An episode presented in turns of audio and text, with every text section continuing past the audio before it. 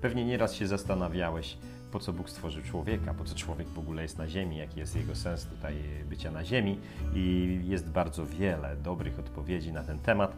Natomiast chciałbym, żebyśmy skupili się na tym, co mówi Pismo Święte na ten temat, po co Bóg stworzył człowieka i świetną ilustracją jest to, co e, mówił Jezus, kiedy się modlił. Przed swoim odejściem na krzyż On się modlił o ludzi, modlił się e, i prosił Ojca w niebie o takie rzeczy.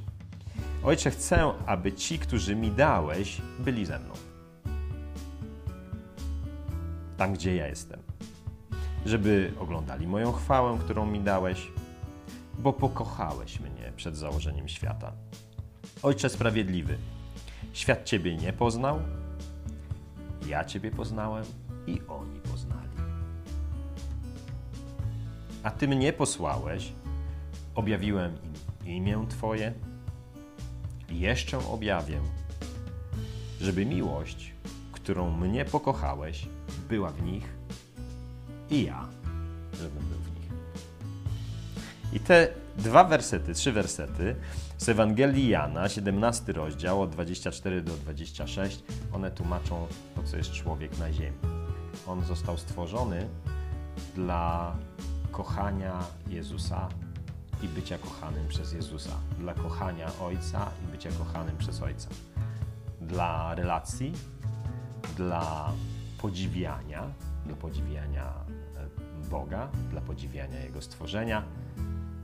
Człowiek jest stworzony do jedności z Bogiem. I cały ten rozdział, którego nie będę tutaj teraz czytał, on mówi e, o tym, jak Jezus prosi Ojca, by ludzie byli jednością z Nim i też zwraca uwagę na taką ciekawą rzecz, że chce, żeby imię Boga było w ludziach. Wiesz, dla nas, dla Europejczyków, taka informacja, że imię Boga w ludziach jest bardzo trudna do zrozumienia. Jakaś taka symboliczna, jakaś taka teoretyczna bardzo. Natomiast dla ludzi, którzy oryginalnie słuchali Jezusa, to byli Żydzi oczywiście, dla nich imię ojca w kimś oznacza, że ktoś ma charakter jak ojciec. Imię ojca to znaczy, imię ojca w kimś to oznacza, że ktoś ma podobną naturę jak ojciec. W tym samym rozdziale, też 17, Jezus w 11 wersecie ma taką prośbę. Nie jestem już na świecie, ale oni są na świecie, ja idę do Ciebie. Ojcze święty, zachowaj w Twoim imieniu tych, których mi dałeś, aby byli jedno jak i my. Zachowaj w Twoim imieniu, to znaczy spraw, aby ci ludzie mieli taki jak Ty charakter, takie jak Ty dążenia, takie jak Ty plany, takie jak Ty marzenia, takie jak Ty potrzeby. Zachowanie w imieniu to oznacza, że ktoś jest podobny, zachowany w imieniu, to znaczy podobny do tego, czyje imię ma na sobie. To jest bardzo czytelne dla ludzi, którzy się identyfikują na przykład z jakąś grupą społeczną, na przykład z narodem. Ja jestem z pochodzenia Polakiem i wtedy można powiedzieć, że moje imię to jest Polak.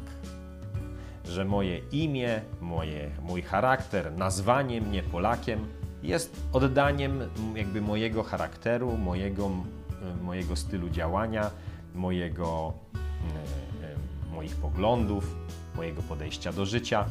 Tak samo, gdy Jezus prosił o ludzi, On prosił, żeby ludzie byli zachowani w imieniu Ojca. Czyli oprócz tego, że ja jestem Polakiem, to Jezus prosił o mnie i prosił o Ciebie, abyśmy mieli imię pochodzące od Boga, abyśmy mieli imię pochodzące od Jego stworzenia, od Ojca. I możemy wtedy o sobie powiedzieć, że my jesteśmy dziećmi naszego Ojca z nieba. I po to jesteśmy stworzeni, żeby być dziećmi naszego Ojca z nieba. I należy z tego korzystać. Należy z tego, należy z tego się cieszyć, e, należy to poznawać i im bardziej poznasz, że jesteś dzieckiem Ojca, który jest wszechmogący, który dużo może, który Ciebie kocha, który Ciebie zaopatruje, tym lepiej zrozumiesz, czym jest e, w ogóle chrześcijaństwo, czym jest w ogóle bycie człowiekiem. Bo człowiek jest stworzony do kochania Boga i bycia kochanym przez Boga, kochania ludzi i bycia kochanym przez ludzi oraz do spełnienia powołania. Porozmawiamy jeszcze na ten temat w następnych odcinkach. Subskrybuj nasz kanał, żeby nie przeoczyć kolejnych filmów. Jeśli to nagranie jest dla Ciebie pomocne, prześlij je swoim znajomym.